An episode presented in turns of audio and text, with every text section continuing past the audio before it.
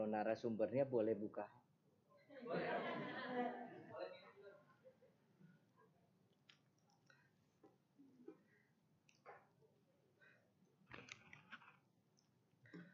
Bapak Ibu, saudara-saudara Dharma, selamat pagi, salam dalam Dharma, namo buddhaya.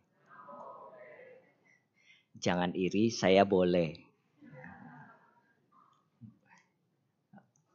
Bapak Ibu, saudara-saudara, berbahagia sekali pada pagi hari ini uh, saya bisa memenuhi undangan ceramah di Wihara Dharma Sukapluit. Sudah sangat lama kita tidak jumpa secara tatap muka gitu ya. Terima kasih kepada pengurus terutama uh, Pak Sarwan. Tidak putus asa beliau ya. Berkali-kali gagal coba lagi bulan ini sampai dapat hari ini ya. Memang kebetulan jadwal sangat penuh sekali, padat sekali. Sampai November saya sudah full gitu ya. Dan memang kegiatan hari ini pun hampir terlambat saya juga baru sampai karena saya harus buka acara dulu di Tangerang dari sana baru uh, kemari. Bapak Ibu, saudara-saudara, pada hari ini saya akan membawakan uh, ceramah Dharma tentang lima keberuntungan atau lima hoki, gitu ya. Bapak Ibu, jarang orang hidup punya lima-limanya. Itu jarang. Tapi kalau bisa punya lima ini, dari lahir sampai mati hidupnya senang. Ya, hidupnya bahagia terus. Dan tentunya kita mau uh, melihat apakah kita punya lima ini ya. Mari kita uh, bahas satu persatu. Keberuntungan yang pertama adalah panjang umur. Bapak Ibu saudara-saudara, kalau kita hari ini bisa datang ke wihara Dharma Sukapluit, berarti dengan badan manusia berarti masih hidup. Gitu ya, panjang umur. Dua tahun Bapak Ibu, ya, terjadi pandemi yang begitu mengerikan dan banyak juga saudara-saudara kita, teman kita yang juga mungkin meninggal dunia begitu. Ya. Terjadi seleksi alam yang begitu global di seluruh dunia. Dan Ibu Bapak saudara-saudara, Anda termasuk yang beruntung lolos dari seleksi alam. Kalau lomba mah lolos audisi gitu ya, lolos audisi ya pertama. Jadi masih diberi kesempatan. Yang mungkin pernah kena sembuh gitu kan. Yang mungkin ada juga yang kena kemudian meninggal dunia. Nah ini ada juga yang mungkin kena tapi nggak terasa. Ya, nah, karena daya tahan tubuhnya oke okay. Jadi panjang umur ini adalah sesuatu hal yang menjadi keberuntungan pertama di dalam hidup kita. Kenapa Bapak Ibu Saudara-saudara? Karena tidak ada cara orang bisa memperpanjang umurnya. Kalau memperpanjang SIM card Anda bisa. Tiap bulan tinggal beli kuota. Panjang lagi dia sebulan kemudian. Ya umurnya. Ya, tapi kalau umur kita tidak bisa. Kalau bisa enak juga ya. Tinggal beli kuota nambah seminggu umurnya ya kalau yang gede bisa nambah setahun gitu ya, tetapi tidak bisa. Dan selalu orang ya juga berdoa menginginkan kehidupan berusia panjang. Buddha Gautama sendiri pun kalau ada umat yang datang, beliau selalu mendoakan semoga panjang umur. Ya, jadi panjang umur adalah hal yang penting. Kenapa? Dengan kita masih punya usia, kita punya umur, berarti kita masih bisa melakukan perbuatan baik. Berarti kita masih bisa melakukan sesuatu yang berguna buat diri sendiri, keluarga maupun orang lain. Jadi saudara-saudara, ibu bapak, kalau sekarang kita sudah diberi kesempatan panjang umur, tinggal kita cek. Sudahkah kita melakukan hal yang baik dalam hidup kita? Sudahkah Anda yang jadi anak melakukan hal yang baik buat orang tua Anda? Atau yang jadi orang tua, sudahkah melakukan hal yang baik buat keluarga Anda atau anak-anak Anda? Ini yang menjadikan panjang umur tetapi berharga. Ada orang panjang umur tapi juga tidak berharga. Contoh, kalau ditanya di sini pasti dong ya mau panjang umur. Terakhir beberapa hari yang lalu eh, hari Rabu saya ceramah di Jati Asih Bekasi. Itu ada seorang bapak usia 83 tahun. Badannya masih sehat, masih kewihara, aktif. Dan salah satu fans saya.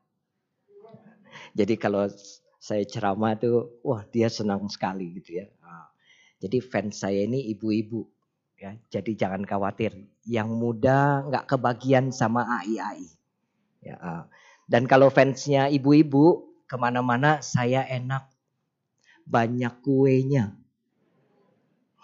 Nah, Bapak Ibu, Bapak ini usia 83 tahun, mata bagus, telinga bagus, maksudnya pendengaran baik, mata tidak pakai kacamata, bagus. Saya aja kalah gitu ya. Kemudian badan sehat. Kita mau yang seperti ini. Tapi ada juga yang panjang umur tapi hanya tergeletak di ranjang. Ya, kita tidak mau menginginkan hal itu. Kita mau panjang umur dan sehat.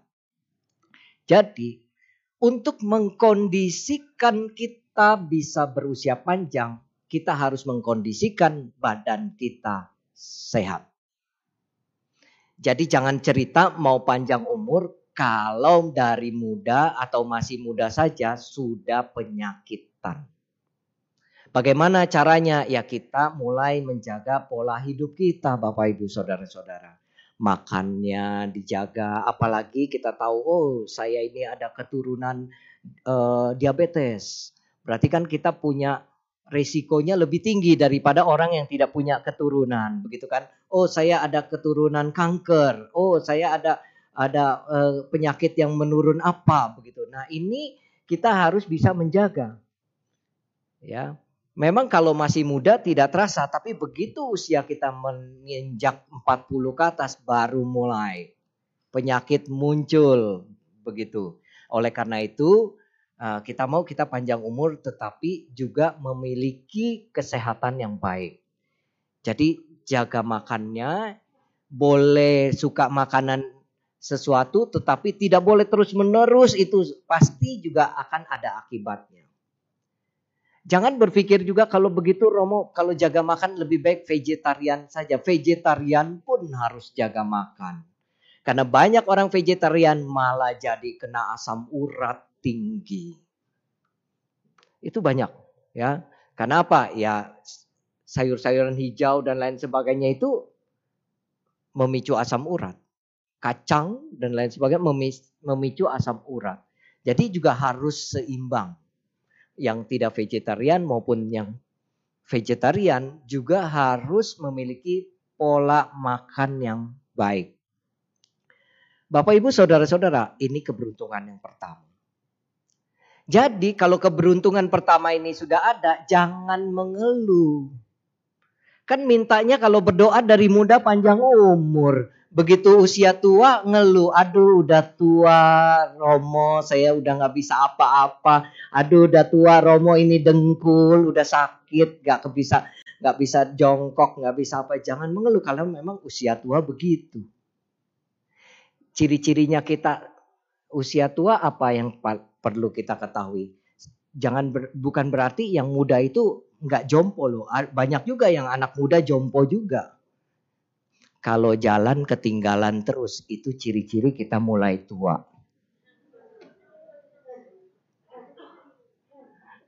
Ya. Kalau jalan sama anak, Pak, kita dipanggil sama anak. Ayo, Pak, cepetan. Mah, cepetan gitu ya. Ah, berarti kita mulai tua. Kalau dulu waktu anak masih kecil, anak jalannya kan lama. Kita yang bilang, ayo jalannya cepetan, jangan jangan melamun, jangan meleng begitu ya. Ah, kalau kita sudah anak sudah bilang begitu, cucu sudah bilang begitu, berarti mulai tua. Naik tangga ngos-ngosan, mulai tua. Begitu ya. Jadi kalau naik tangga cuma satu lantai dari bawah kemari, mendingan. Saya pernah ceramah ke lantai berapa? Tiga atau Rantai berapa yang sekolah minggu di atas? Wah lumayan loh. Begitu. Ya kalau romonya masih gagah gitu ya, masih muda gitu ya, oh it's okay gitu ya. Tapi kalau begitu usia lanjut, wah terasa juga. Jadi kalau berusia tua itu harus bersyukur. Karena apa? Tidak semua orang punya keberuntungan usia tua. Banyak yang muda meninggal dunia, banyak sekali gitu ya kita dengar gitu meninggal dunia usia berapa 40 wah masih muda sekali gitu kan nah, jadi kalau yang bisa menginjak usianya 60 ke atas 70 ke atas berarti punya keberuntungan yang pertama punya hoki yang pertama orang Tionghoa itu ulang tahunnya yang pertama satu bulan umurnya bayi satu bulan itu ulang tahun pertama manye Dikasih baju merah, semua serba merah. Ulang tahun kedua orang Tionghoa itu 60 tahun. Begitu. Kalau yang ulang tahunnya tiap tahun itu orang Eropa. Karena kita dijajah oleh Belanda ratusan tahun, jadi terpengaruh budaya Eropa. Ulang tahun tiap tahun.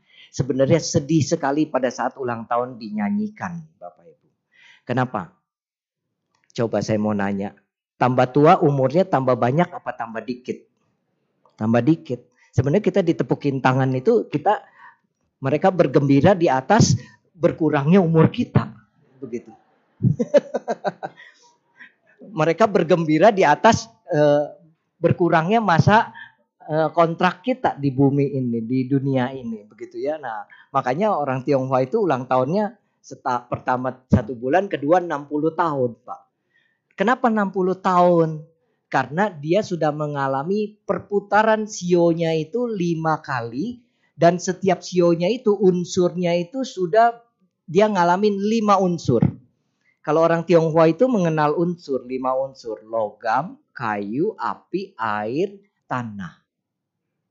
Jadi kalau lima putaran sionya berarti lima unsur ini dia sudah alami di dalam hidup dia. Maka dianggapnya dia sudah dewasa sudah map, ma, cukup mapan untuk mengerti kehidupan ini, sudah mantap begitu. Jadi kalau yang usianya masih 50 masih muda. Kalau orang Tionghoa itu, ya. Begitu 60 baru dewasa. Ya. Begitu nanti udah mulai usia tuanya berapa Romo? 80 tahun. Baru ulang tahun lagi, ulang tahun besar gitu. Biasanya kalau orang ulang tahun besar tuh anak cucunya tuh pestain gitu ya. Nah, seperti itu. Nah, Bapak Ibu sekalian, jadi panjang umur ini penting sekali. Ya. Karena apa? Modal pertama kita. Yang kedua, keberuntungan yang kedua. Jadi kalau sekarang kita masih hidup berarti kita punya keberuntungan yang pertama, Pak. Punya hoki yang pertama. Yang kedua, punya kekayaan punya harta. Itu keberuntungan yang kedua. Orang hidup harus memiliki materi. Tidak bisa dipungkiri. Bohong cerita kalau dia bilang, Romo saya melarat tetap bahagia. Itu kelainan. Yang kaya aja kadang-kadang gak bahagia. Apalagi melarat gitu kan. Lebih nggak bahagia lagi begitu kan. Ya yang kaya aja banyak yang nggak bahagia gitu kan. Apalagi melarat. Maka dari itu keberuntungan yang kedua adalah memiliki kekayaan. Masa iya sih? Kerja lima tahun emas dua gram saja tidak punya. Itu mah keterlaluan ya. Berarti dia tidak pernah bisa menyimpan uangnya begitu. Nah artinya apa kekayaan di sini Bapak Ibu jangan juga berpikir bahwa apa yang kita miliki atau berapa banyak yang kita miliki juga jangan berpikir seperti itu. Karena belum tentu kita lihat orang yang mobilnya bagus, rumahnya bagus, hutangnya nggak ada. Jangan-jangan hutangnya lebih banyak dari kita. Miliaran di bank hutangnya. Begitu kan, bunga banknya besar sekali, mungkin lebih besar daripada gaji kita sebulan untuk bayar bunga banknya saja. Sedangkan kita yang tidak terlalu istilahnya tidak terlalu kaya atau tidak memiliki harta yang berlimpah ruah, tapi hidupnya tenang karena tidak ada hutang. Walaupun ada hutang, ada cicilan tapi bisa dibayar, tidak sampai mencekik leher. Begitu, ya. Ya, ini ada satu cerita, ada satu orang gitu ya eh, di kantornya ada satu orang karyawannya eh, bisa cicil mobil, beli mobil begitu. Nah, kemudian eh, temannya ini lihat, wah kalau ke kantor bawa mobil kayaknya keren begitu ya. gajinya nggak seberapa, dia paksa mencicil mobil. Bapak Ibu saudara-saudara, Tiga bulan dia selama mencicil mobil dia mengurangi makannya. Jadi makannya dihemat sekali. Kalau ada dan lebih sering dia makannya mie instan. Karena murah meriah cukup kenyang campur nasi. Begitu ya, nah, seperti itu. Apa yang terjadi? Tiga bulan, memang dia punya mobil Bapak Ibu. Tiga bulan kemudian dia masuk rumah sakit tipes. Dan pengeluaran biaya rumah sakitnya lebih besar daripada beli mobilnya. Jadi ingat saudara-saudara, jangan memaksakan diri. Ya, mau hidup enak, mau Anda merasa bahwa diri Anda sejahtera, punya kekayaan, jangan memaksakan diri. Kalau memaksakan diri, biarpun gaji besar, tetap merasa miskin. Karena habis terus, begitu. Karena memaksakan diri, hidup apa adanya yang memang sesuai kemampuan kita.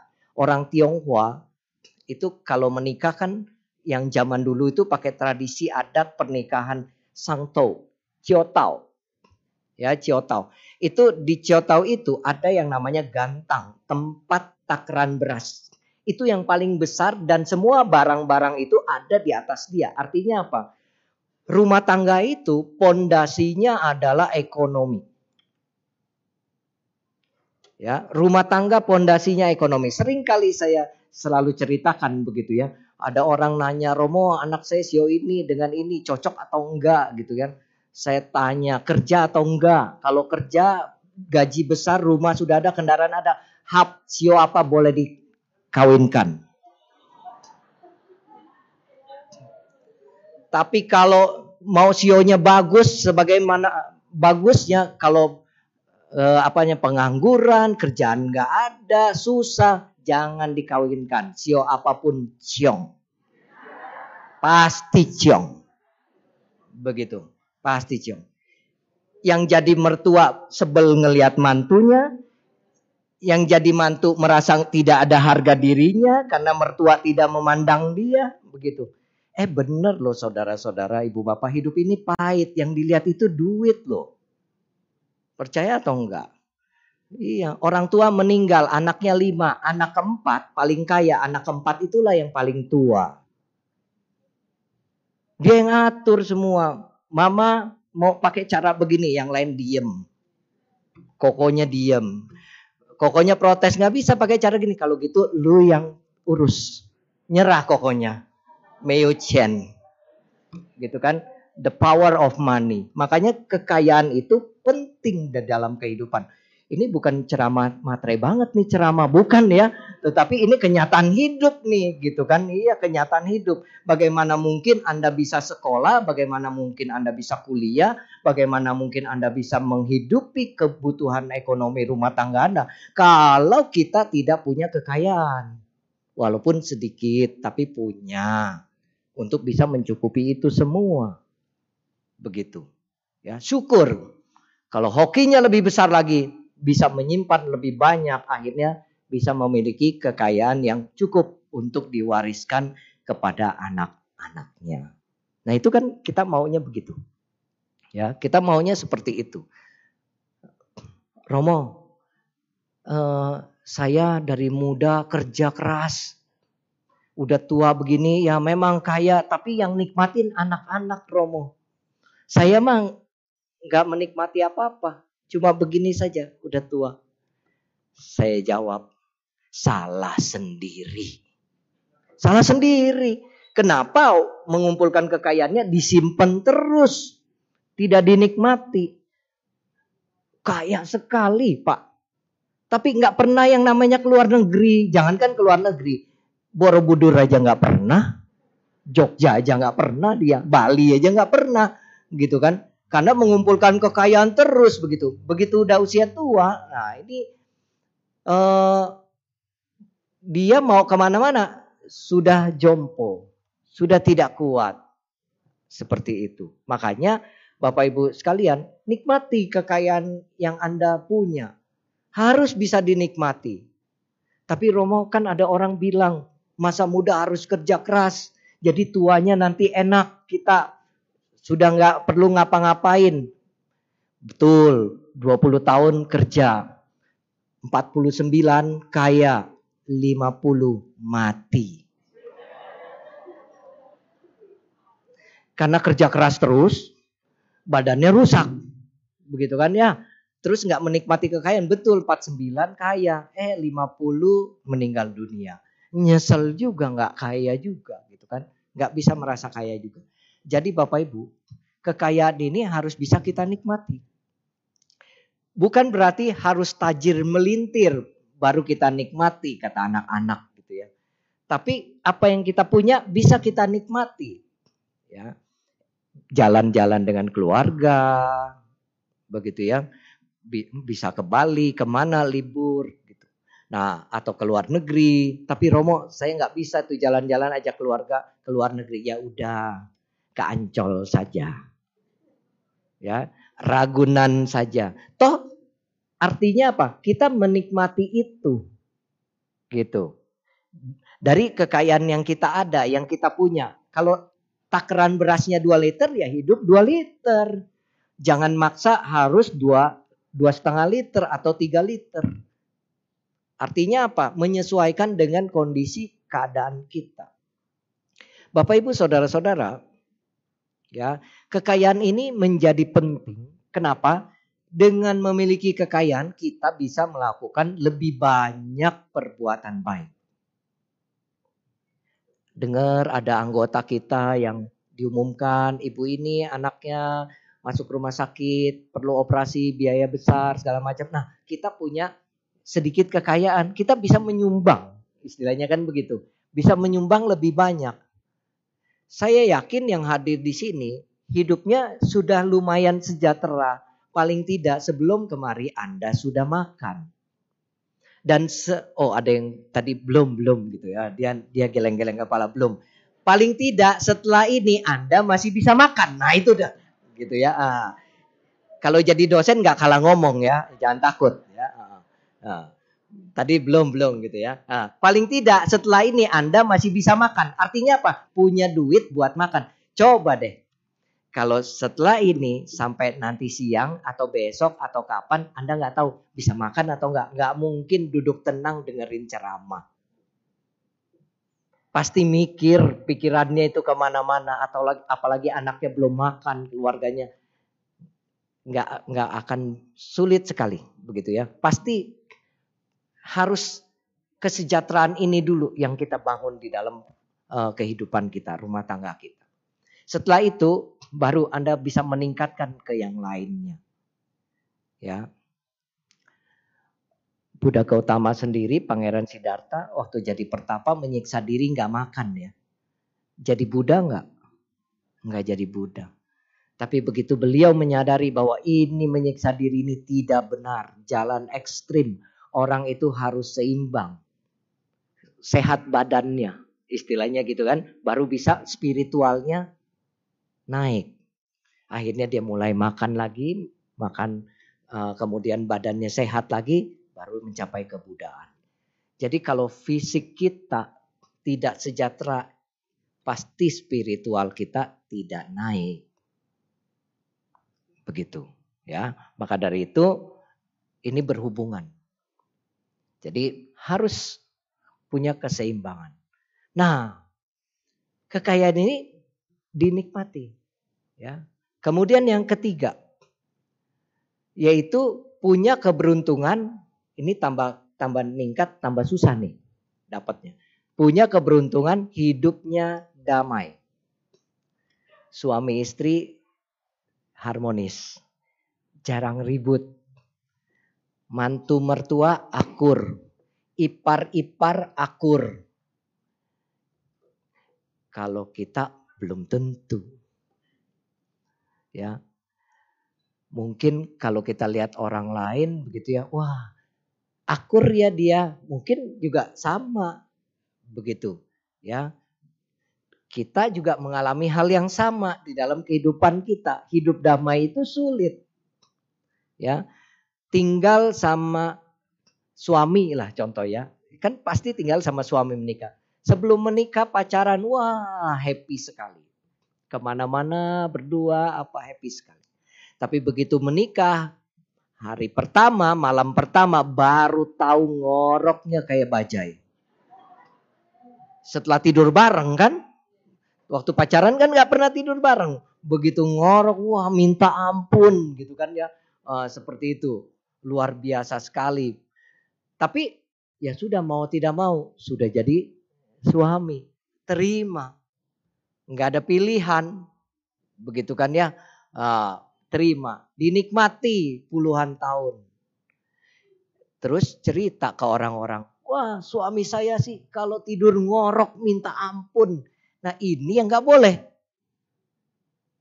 Artinya menceritakan hal yang buruk keluar begitu. Gak boleh walaupun menceritakan ngoroknya gitu. Suatu hari suaminya ngorok kan puluhan tahun ya. Suatu hari suaminya gak ngorok, ketakutan dia sampai diliatin masih napas apa enggak nih. Nah, makanya Bapak Ibu saudara-saudara ya tiap orang ya memang punya kebiasaan masing-masing begitu ya. Nah itu baru satu tuh baru mendengkur mengorok gitu ya. Belum yang lain loh Bapak Ibu sekalian. Jadi yang namanya e, keluarga tadi misal pernikahan itu sebetulnya dimulainya itu bukan dari pacaran, kenal betulnya. Kenal betulnya adalah setelah dia menikah, baru dah kenal betulnya seperti itu. Ya, kalau yang pacaran itu ya kenal kenal kenal sepintas gitu kulit. Ya kan kalau orang pacaran kata-katanya halus, nggak kasar gitu ya. Coba udah menikah dah. Tanya deh ya sama yang di sini yang setelah 10 tahun ya. Ya, yang tadinya panggil pacar eh, panggil suaminya koko eh, keke gitu ya eh, sayang ya beb gitu kan. Nah, seperti itu. Setelah 10 tahun empek empek. Setelah 10 tahun nenek nenek panggilannya beda lagi tuh. Nah, seperti itu. Makanya uh, itu saya katakan ya kita harus terus gitu yang pertama damai ya suami istri damai kalau suami istri bisa damai, paling tidak itu jadi modal contoh anak-anaknya. Ada anak sekarang itu kalau ditanya mau menikah enggak, dia tidak mau menikah. Kenapa? Karena dia lihat papa mamanya itu selalu ribut, tidak akur, bahkan ada yang bercerai. Sehingga akhirnya dia berpikir, nanti saya pun buat apa? Seperti itu. Toh akhirnya saya bercerai juga. Gitu, ribut juga seperti itu. Saya nggak mau akhirnya dia tidak kepikir untuk menikah. Ada juga yang begitu. Ya, makanya orang tua adalah pendidik pertama anaknya. Ya, hidup damai atau tidak damai di rumah tergantung dari suami istri. Ya, ciptakan kehidupan rumah yang damai. Dengan orang tua damai. Anak dengan orang tua kakak adik damai. Ini dalam rumah. Damai bukan hanya di dalam, tapi juga di luar. dalam kehidupan kita. Makanya damai ini sulit nih. Dengan tetangga. Apakah kita damai? Romo, saya baru dua hari yang lalu tuh ribut sama tetangga dua rumah dari sini. Kalau yang ujung sono seminggu lalu. Nah bulan lalu itu yang belakang. Gitu. Wah itu jadi semuanya itu pernah ribut sama dia gitu ya. Berantem sama dia. Nah kalau yang seperti itu lingkungannya tidak damai. Hidup kita tidak enak. Pasti kalau keluar rumah kita lihat muka orang yang tidak kita suka. Apakah Bapak Ibu berubah jadi ceria? Enggak. Pasti muka kita berubah jadi masam gitu kan. Nah, seperti itu. Berubah jadi serem muka kita gitu kan. Nah, jadi kalau hidupnya damai, lingkungan dengan tetangga apa begitu kita keluar aja dia udah tanya, "Ce, mau ke mana?" gitu kan ya. Atau "Ko, mau ke mana?" gitu ya. Nah, seperti itu. Anak-anak kita juga yang anak-anak itu harus dibiasakan juga. Eh, kalau keluar ketemu tante yang di depan om atau yang di depan panggil ya harus harus tegur gitu kan nah, seperti itu supaya terjadi hubungan yang harmonis yang bagus dengan tetangga. Itu damai itu. Jadi kalau di anak suatu saat anak main namanya anak-anak ya berantem itu nggak jadi bapaknya juga berantem. Begitu. Yang satu keluar golok yang satu toya atau tombak gitu kan ah, seperti itu. Ya nah, makanya eh, bapak ibu sekalian kalau bisa damai bagus sekali memang tidak gampang Romo saya sih udah baik tapi dianya begitu memang sifat tetangganya ya sudah yang waras ngalah artinya kalau kita bisa ngalah ya kita ngalah begitu ya jangan ngikutin yang nggak baik gitu. Ya sudah. Ya. Yang penting adalah kita bisa menciptakan itu buat lingkungan kita sendiri. Ada yang bilang, saya udah tegur tapi dia buang muka. nggak apa-apa. Kamu tetap damai. Dia yang nggak damai. Begitu karena apa? Dia merasa nggak suka liatnya. Berarti hati dia nggak bagus.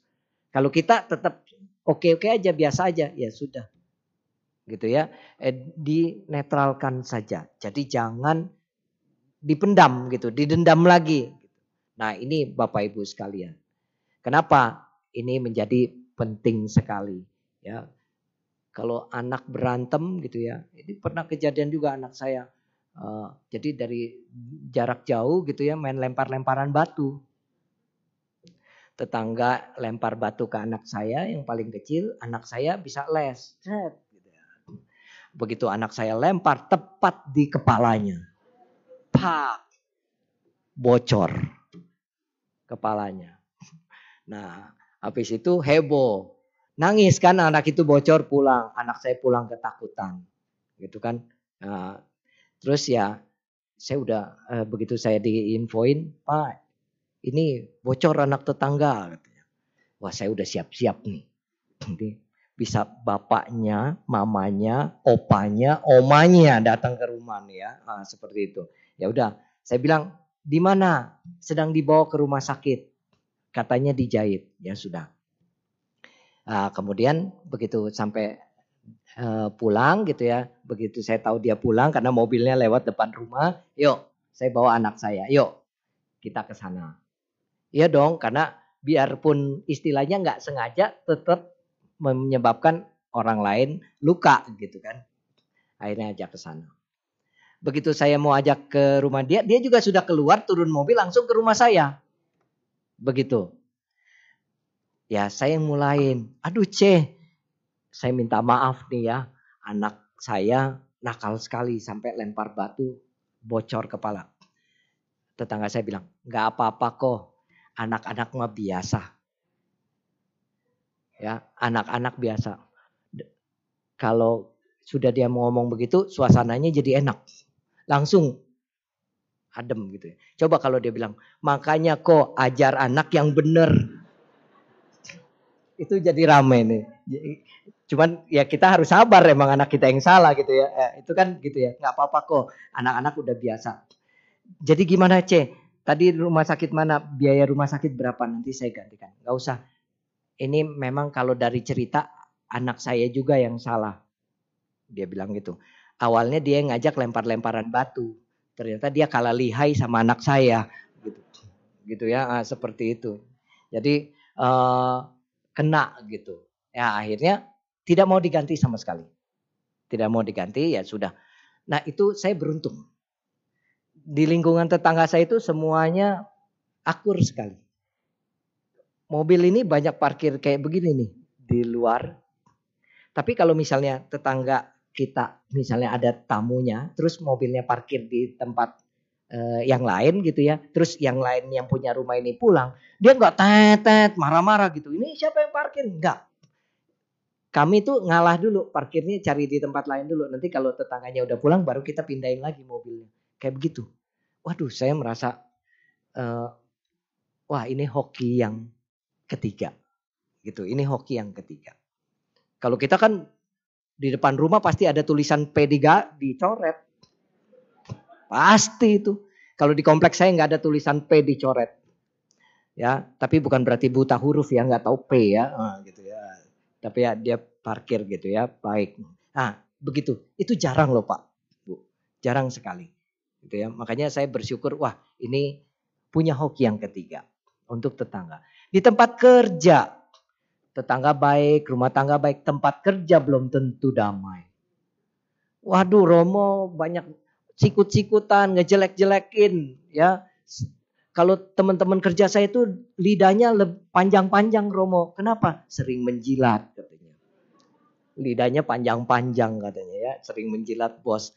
Jangan ya saudara-saudara. Prinsipnya apa? kita kerja seperti yang Nabi Kongcu, Nabi Kongcu bilang. Ke atas tidak menjilat, ke bawah tidak menginjak. Artinya ke atas tidak menjilat atasan, ke bawah tidak menginjak bawahan. Barulah kita hidup dengan baik. Kalau mau atas memperhatikan kita bukan menjilat, tetapi tunjukin kemampuan, prestasi, pasti naik jabatan. Kalau misalnya prestasi kita udah bagus tapi kita, kalah sama yang menjilat, jangan khawatir. Itu karena belum waktunya saja. Kita pikirnya gitu. Itu belum waktunya. Nanti kalau sudah waktunya tiba, bos akan bisa lihat, oh ternyata ini nggak ada kemampuan apa-apa kita. Ya. Maka ada saatnya kita akan naik. Jadi jangan jangan merasa bahwa ya kalau misalnya ada sesuatu itu yang uh, jelek berarti itu hal yang buruk buat kita, belum tentu. Ya. Dengan dia yang misalnya menjilat ini naik duluan, kemudian kan jadi berantakan. Nah, kemudian akhirnya kita di, diangkat. Eh, jadi beres.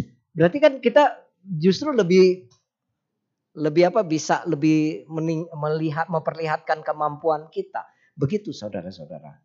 Ya terutama yang masih kerja gitu ya. Nah, seperti itu. Nah, maka dari itu hidup damai ini penting. Kita harus ciptakan. Yang keempat, punya visi, nama baik, dan terkenal. Ini lebih susah lagi. Hidup punya tujuan. Ada masih ada tujuan bagus. Masih muda banyak tujuan. Mau punya rumah, mau punya uh, kendaraan gitu kan, nanti mau menikah begitu kan, eh, seperti itu. Itu punya tujuan. Bagus. Orang tua apa punya tujuan? Punya tujuan. Sekolahin anak, habis SMP masuk SMA, habis SMA masuk S, uh, kuliah. Ya, habis kuliah kumpulin duit lagi. Nanti menikah, menikahkan anaknya. Ah, seperti itu, punya tujuan. Artinya kalau hidup masih punya tujuan, berarti kita masih beruntung. Kalau yang sudah tidak punya tujuan hidupnya, seperti tidak ada arah. Ya, tidak ada arah. Kalau orang tua gimana Romo yang sudah tidak kerja, pensiun, yang hidupnya tergantung anak, apakah masih bisa punya tujuan? Punya. Tujuannya apa? Badannya harus sehat. Ciptakan tujuan. Pokoknya saya tua tapi tidak mau nyusahin anak. Gitu kan ya. Uh, saya harus sehat. Oh, dokter bilang saya kurang gerak, kurang olahraga. Cari grup olahraga. Grup senam. Tai Chi, aerobik kalau masih bisa aerobik. Ya, satu, dua, tiga. Romo kalau pakai pakaian begitu nanti cucu ketawain biarin. Ya, yang penting kita ada kegiatan, gitu kan? Makanya saudara-saudara yang mampu ya, yang mampu nih kalau punya papa mama sudah usia lanjut di rumah, beliin mereka home theater karaoke. Biarin nyanyi, suruh nyanyi saja. Ya dengan musik nyanyi gitu ya. Orang-orang tua itu harus happy. Kalau happy hatinya gembira badannya sehat. Begitu. Juga tadi ya kalau masalah rumah tangga suami istri ribut jangan kebiasaan apa-apa ngadu sama orang tua apa-apa kabur ke rumah orang tua kalau orang tuanya bijaksana kalau orang tuanya sering nonton sinetron beda nasehatnya.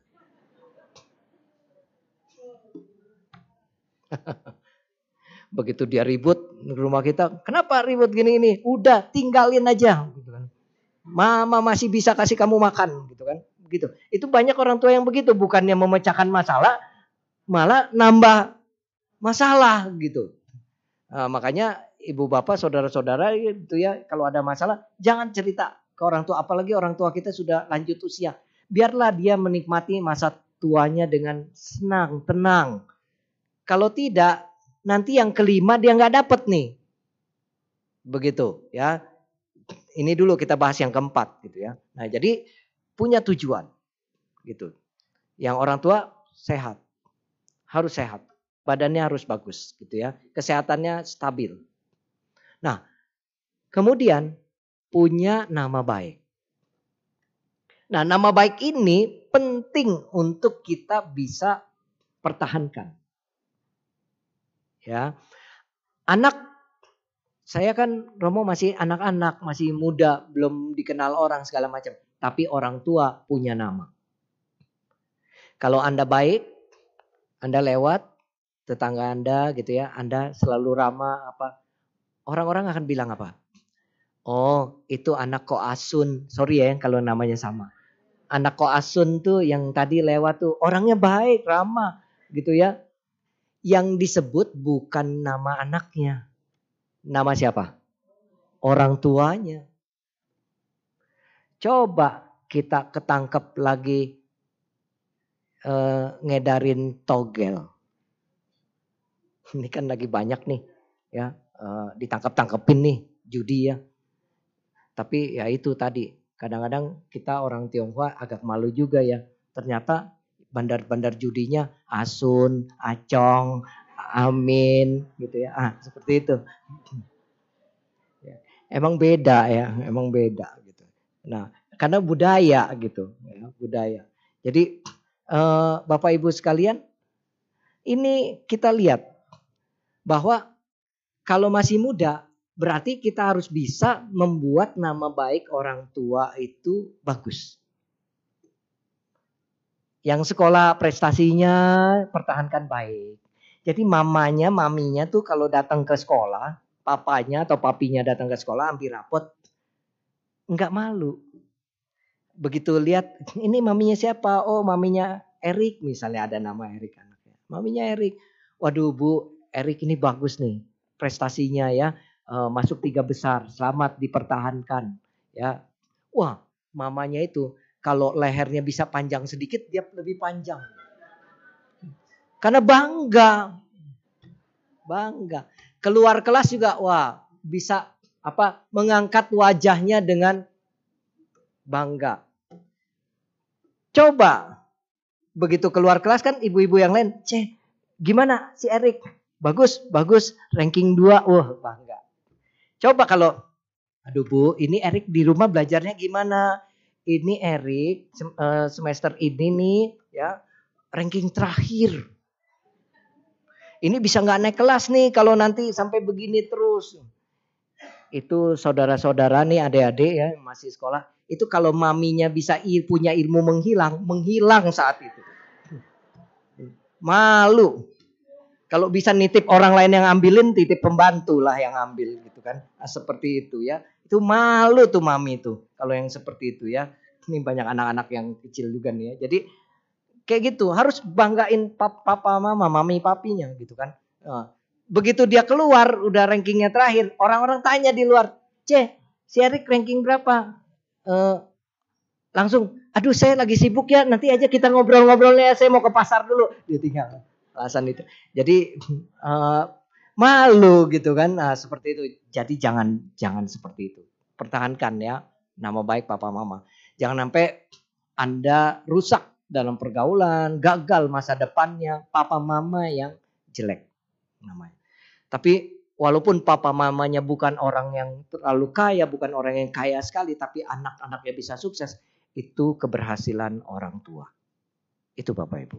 Makanya eh, nama baik itu penting. Terus terkenal otomatis kalau namanya baik dia jadi dikenal banyak orang gitu kan ya dikenal banyak orang. Oh uh, apa namanya? Uh, anak ini uh, yang bapaknya misalnya uh, driver gitu kan. Tapi anaknya bisa uh, jadi dokter. Nah itu jadi terkenal. Bapaknya supir angkot tapi anak bisa jadi dokter. Orang naik supir naik angkot dia bangga. Padahal naik angkot. Padahal yang supirnya cuman biasa aja bapaknya kan nggak nggak sarjana tapi dia berhasil membuat anaknya jadi dokter. Orang yang ikut angkot dia bangga tuh. Oh saya naik angkot yang itu loh yang uh, bapaknya berhasil anaknya jadi dokter tuh terkenal begitu. Ya, yang kelima mati dengan tenang lebih susah lagi. Rumah tangga berantakan, sering ngadu orang tua, orang tua udah tua, sakitan, mau mati nggak tenang dia. Bener. Ya, mati. Jadi tambah ke atas tambah susah nih. Ya, mati dengan tenang. Sampai orang tua yang kalau udah udah saking kesal dengan anaknya, saking apa ya, udah nggak tahu bagaimana caranya lagi sampai dia bilang nanti mama bisa mati berdiri. Saya belum pernah sih ngelihat orang mati berdiri gitu ya. Uh, tapi ada yang bilang begitu gitu kan. Nanti bisa mati berdiri nih kalau begini terus. Pernah dengar gak bu? Pak? Pernah ya? Iya. Pernah gak lihat orang mati berdiri? Gak pernah sih. mati berdiri. Artinya apa? Matinya nggak tenang gitu kan. Mati melotot gitu kan. Matanya melotot. Itu mati ya istilahnya istilahnya mati dengan tidak tenang. Begitu. Nah, kita harus bisa mati dengan tenang juga gitu ya. Bagaimana bisa mati dengan tenang? Yang pertama ya kita mengurangi e, kemelekatan. Ya, mengurangi kemelekatan-kemelekatan. Termasuk kepada keluarga, kepada anak dan lain sebagainya. Kita mengurangi.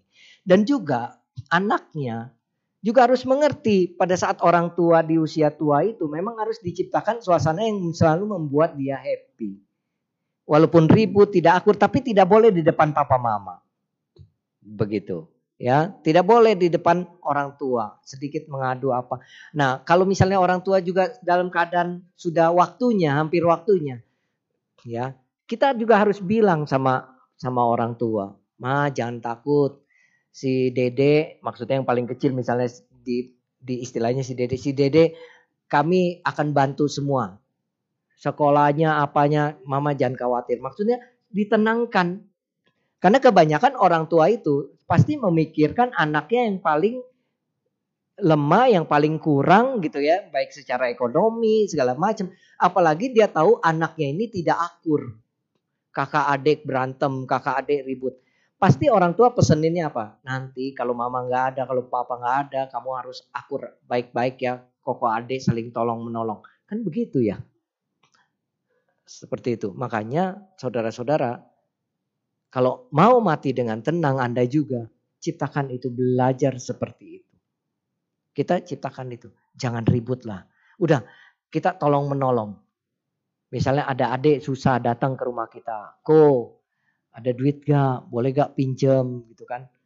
Lagi susah gini gini gini. Bantu. Ya, kita bisa bantu bantu.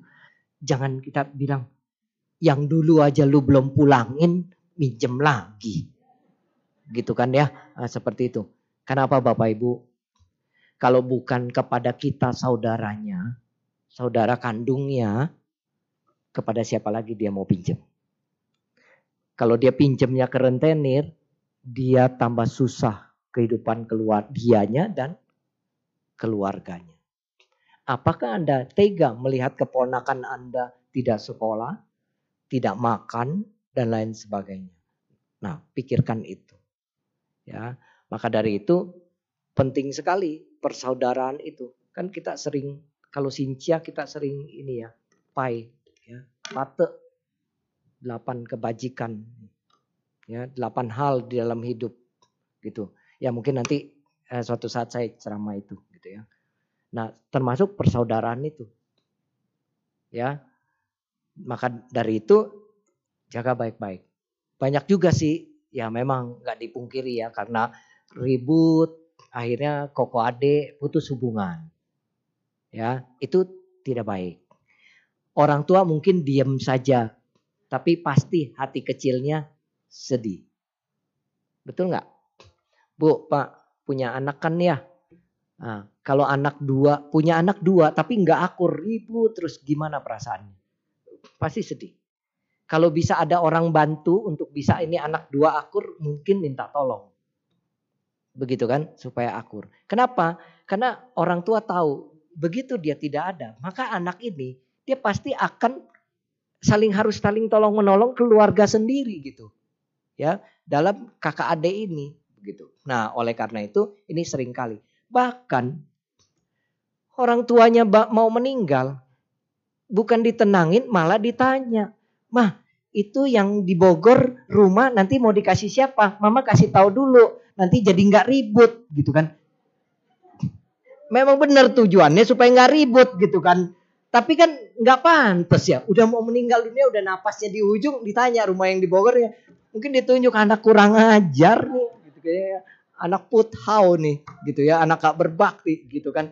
Orang tua orang tua udah tinggal meninggal masih ditanya begitu. Nah, saudara-saudara, ya ini ada satu contoh juga dalam uh, satu keluarga gitu ya saya saya pernah diceritain. Jadi kakak uh, koko cece-nya itu udah pada punya rumah. Jadi rumah tua ini rumah mama papa gitu. Akhirnya dikasih ke anak atau adiknya yang paling susah, yang belum punya rumah.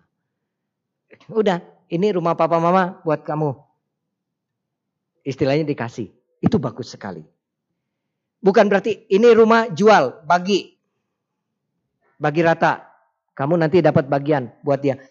Uang kecil, uang sekarang bu pak. 300 juta. Rasanya susah ya beli rumah. Ya, nah, seperti itu ya. Nah, seperti itu. Masa iya kita tega ngelihat adik kita, koko kita atau cece kita itu kehidupannya susah. Walaupun betul tapi kan Romo dia punya suami, suaminya harus tanggung jawab dan lain sebagainya. Ya, saya rasa kalau dia mampu, dia pun gak minta. Logika kan?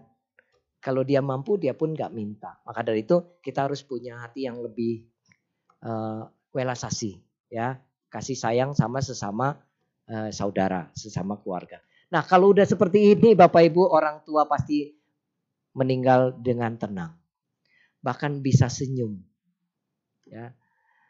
Tapi kalau udah nggak ada giginya senyum terus sih memang. Ya, uh, jadi Bapak Ibu sekalian itu dia lima keberuntungan. Cek.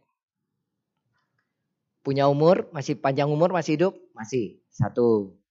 Punya kekayaan lumayan ya dua hoki. Yang ketiga hidupnya damai. Coba hitung sebulan sering ribut atau sering damai. Jangan Seminggu ribut empat kali, nggak ribut tiga hari. Nggak ribut pun karena diem. Nggak ngomong, nggak ribut gitu ya. Nah itu namanya nggak damai. Tapi kalau dalam rumah damai, bagus tuh dapat kedamaian.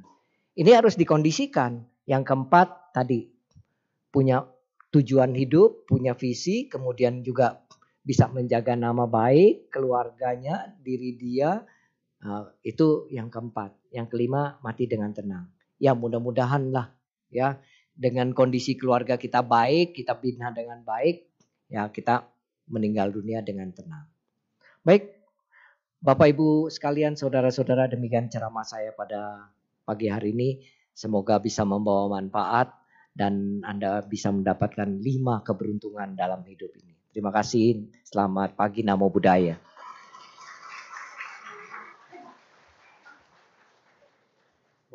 Masih ada keburu? Masih ada waktu?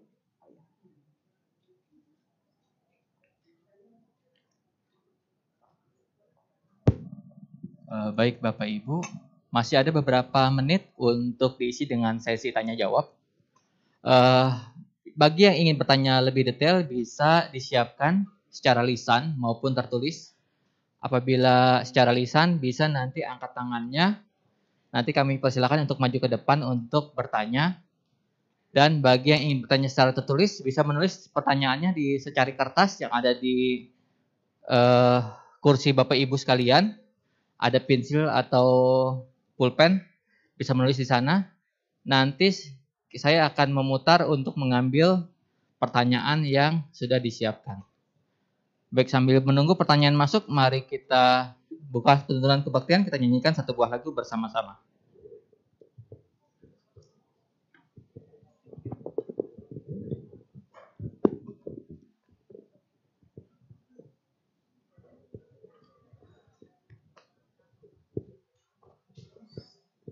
Marilah kita menyanyikan lagu Cinta Kasihmu pada halaman 112.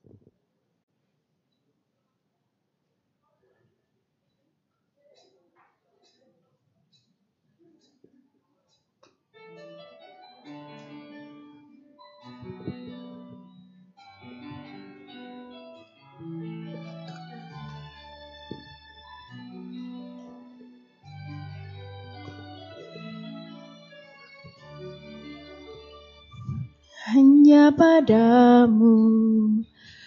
Ku kan bersujud sepenuh hatiku dan keyakinanku sinar wajahmu. Sejukkan hatiku cinta dan kasihmu damaikan jiwaku Dikala hati menjadi bimbang Tak berpaling darimu Lalui jalan yang penuh liku. Ku genggam namamu Hanya di dalam dirimu Ku temukan cinta yang abadi. Cinta kasihmu yang suci Kau pancarkan kepada umat manusia tanamkanlah dalam diri cinta yang diajarkan sang Buddha. Marilah kita pancarkan cinta kasih. Semoga semua makhluk berbahagia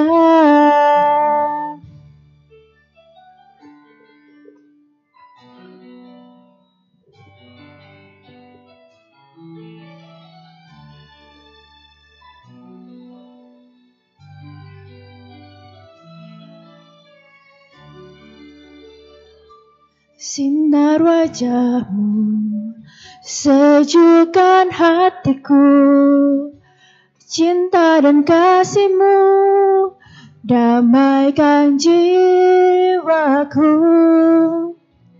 Dikala hati menjadi bimbang Tak berpaling darimu lalui jalan yang penuh liku Ku genggam damamu.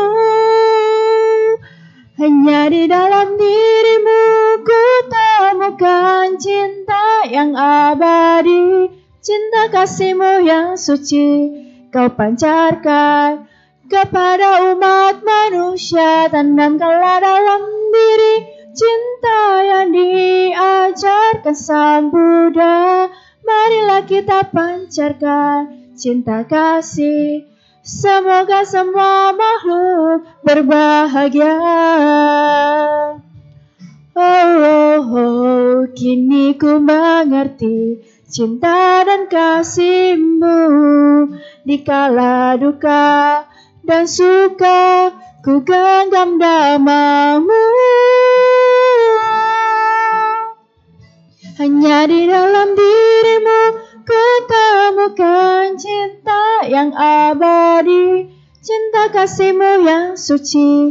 Kau pancarkan kepada umat manusia Tanamkanlah dalam diri. Cinta yang diajarkan Sang Buddha Marilah kita pancarkan cinta kasih.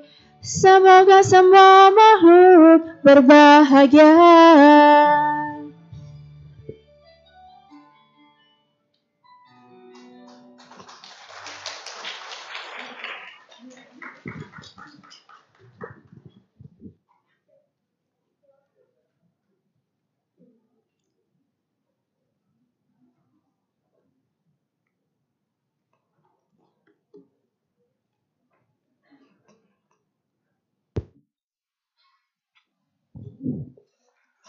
Tiba saatnya sesi tanya jawab.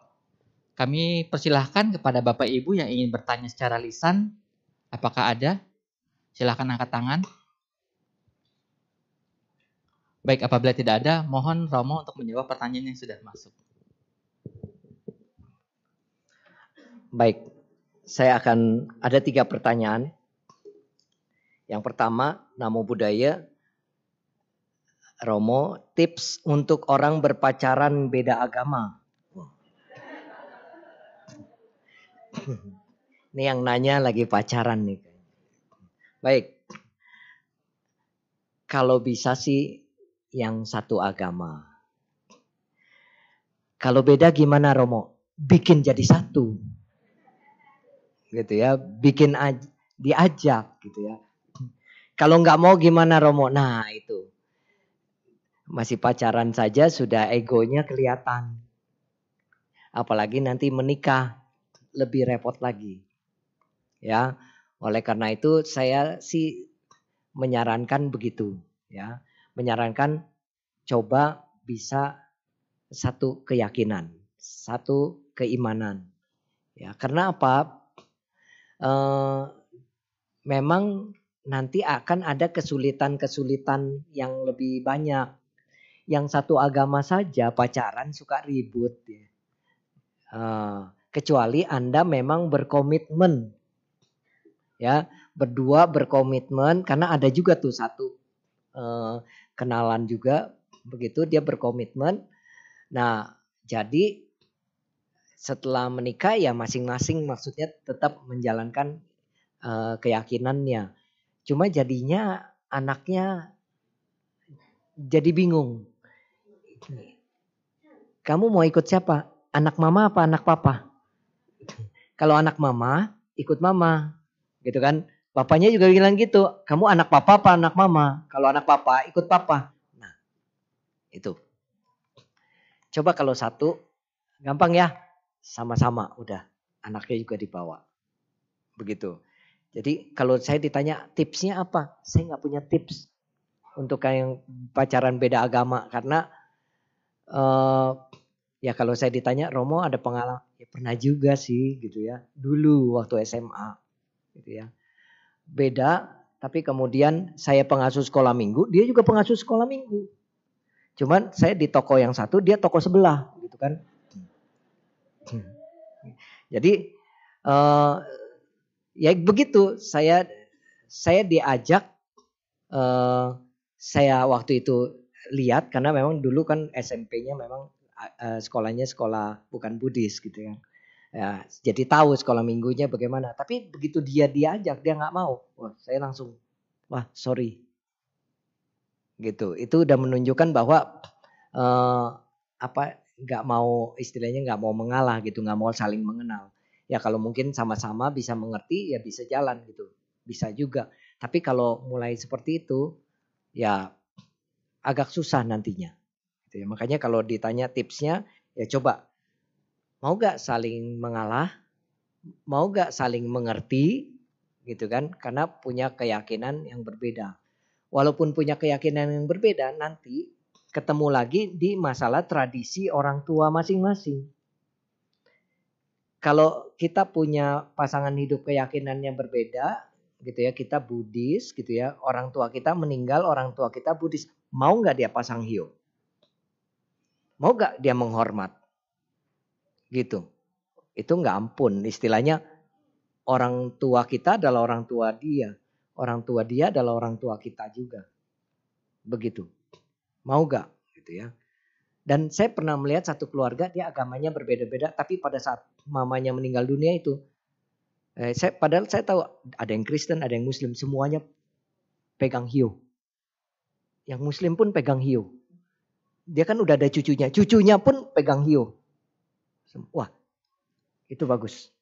Artinya itu orang tua istilahnya gitu. Orang tua punya keyakinannya itu ya pakai keyakinan yang orang tua istilahnya begitu. Kalau nanti dia yang meninggal kan pakai keyakinan dia gitu ya. Nah, seperti itu. Tapi saya sampai wih, salut juga ya. Ya salut juga. Gitu. Nah itu makanya uh, Bapak Ibu ini perlu Anda ketahui gitu ya. Yang nanya nih ya perlu Anda ketahui. Bisa nggak nanti seperti itu, seperti keluarga itu, ya? Oke, jalanin saja dulu. Ya. Saya punya keyakinan begini biarpun satu agama, kalau nggak nggak ada yenfen, nggak ada karma jodoh, nggak jadi. Tapi kalau ada karma jodoh, jadi. Tapi tetap dong harus mengkondisikan, gitu ya. Yang satu keyakinan. Baik, berikutnya. Bagaimana menghadapi mertua perempuan yang egois? Wah ini. Kalau bicara tidak mau mengalah. Ya namanya juga orang tua biasalah ya.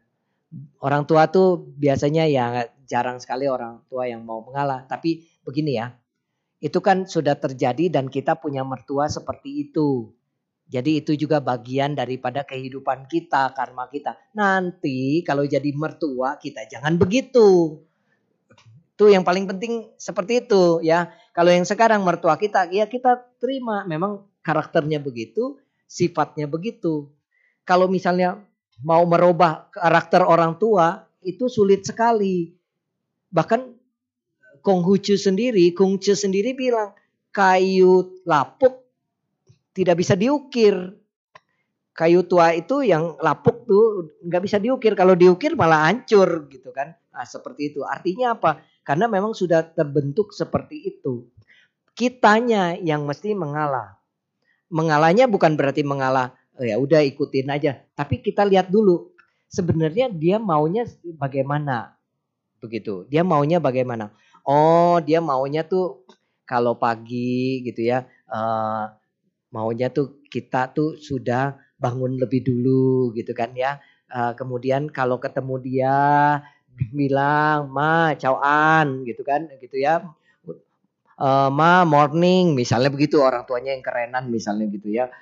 Atau yang suka ngomong Belanda morgen gitu ya ah, seperti itu ya ah, seperti itu. Jadi eh, kita tanya gitu. Jadi orang orang tua itu seneng yang begitu. Uh, ya mungkin kebetulan ya saya setiap kali berhubungan dengan yang orang tua segala macam termasuk uh, mertua dan lain sebagainya saya tuh nggak pernah ada masalah gitu dalam hal komunikasi karena ya saya banyak mendengar. Jadi nggak banyak bicara, tapi saya banyak mendengar gitu ya. Jadi kalau mis uh, kecuali mertua ikut campur masalah urusan rumah tangga. Nah ini repot. Ikut campur masalah rumah tangga ini ini susah, repot. Atau masalah mendidik anak. Nah ini repot. Ya makanya uh, kalau yang tadi mertua tidak mau mengalah, egois ya kita lihat dulu dia egoisnya dalam hal apa. Gitu. Dia egoisnya dalam hal apa dulu, ya. Makanya kalau misalnya ada yang seperti itu, ya kita lebih banyak ini pendekatan. Pendekatan. Misalnya eh, kan kalau yang udah seperti ini nih, pasti saya yakin hubungannya jadi renggang. Karena komunikasinya ada gap. Karena nggak mau ngalah kan, ya Pasti si menantunya pikir, nggak penting nggak ngomong. Pasti pikir gitu. Karena kalau ngomong dia nggak mau ngalah. Nah ngomongnya jangan yang serius-serius. Gitu ya.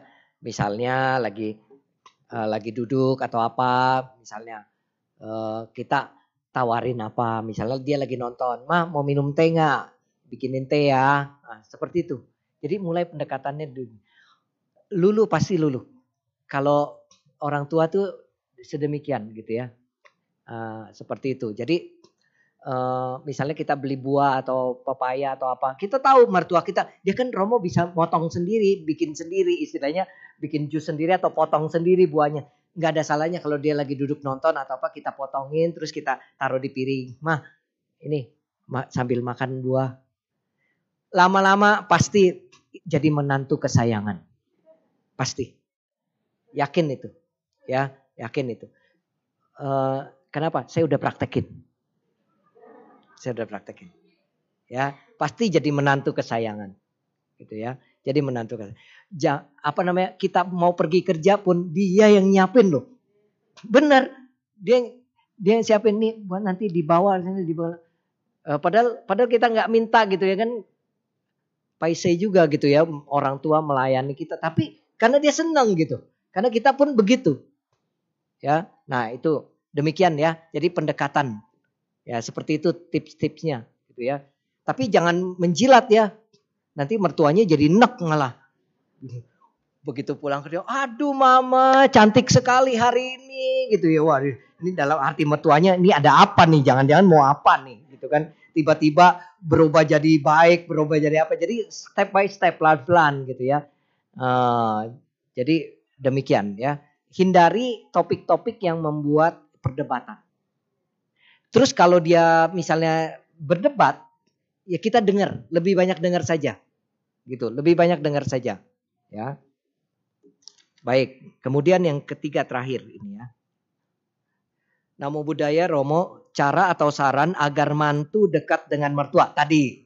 Ya, udah. Karena ada teman-teman yang tinggal bersama mertua tapi tidak dekat ya tadi. Kita ngomong pulang kerja, ma udah makan belum? Gitu kan? Mama mau makan apa? Nah, seperti itu ya pendekatan. Terus kalau lagi duduk apa gitu, uh, kita kasih snack atau apa hal-hal yang kecil-kecil lah begitu ya, yang kecil-kecil.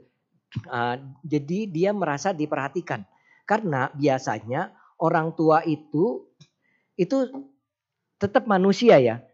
Kita kan punya rumah tangga, dia merasa kurang diperhatikan jadi kadang-kadang dia mau cari sesuatu uh, untuk jadi perhatian menantunya atau anaknya dan lain sebagainya. Tapi kalau kita juga memberi perhatian yang baik, tetap perhatian yang baik, saya yakin uh, ini baik deh, bagus gitu ya.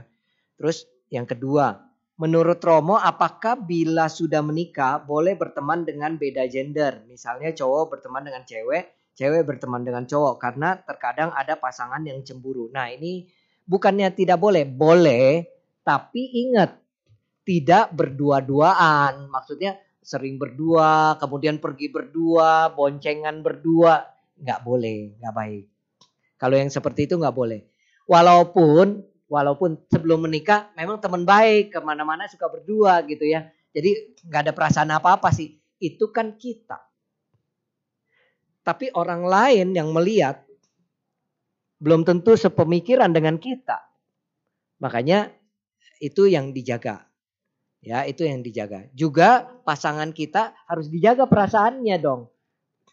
Jangan eh, apa namanya? Kita justru lebih dekat dengan orang lain daripada dengan pasangan kita sendiri. Nah, itu yang penting.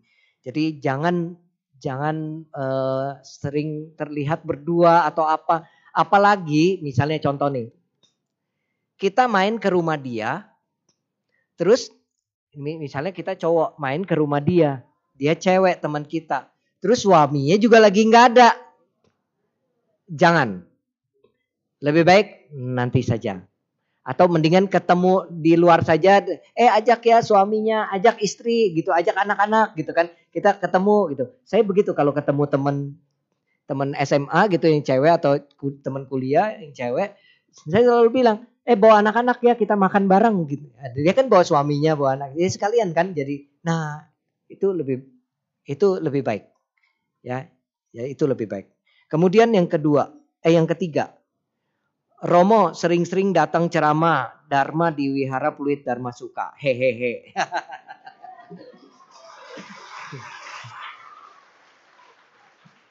Disuruh sering-sering datang. Saya sih tergantung bayaran. Baik Bapak Ibu sekalian, terima kasih. Uh, semoga kita selalu sehat, sejahtera dan semoga Ibu Bapak panjang umur ya. Baik, terima kasih. Namo Buddhaya.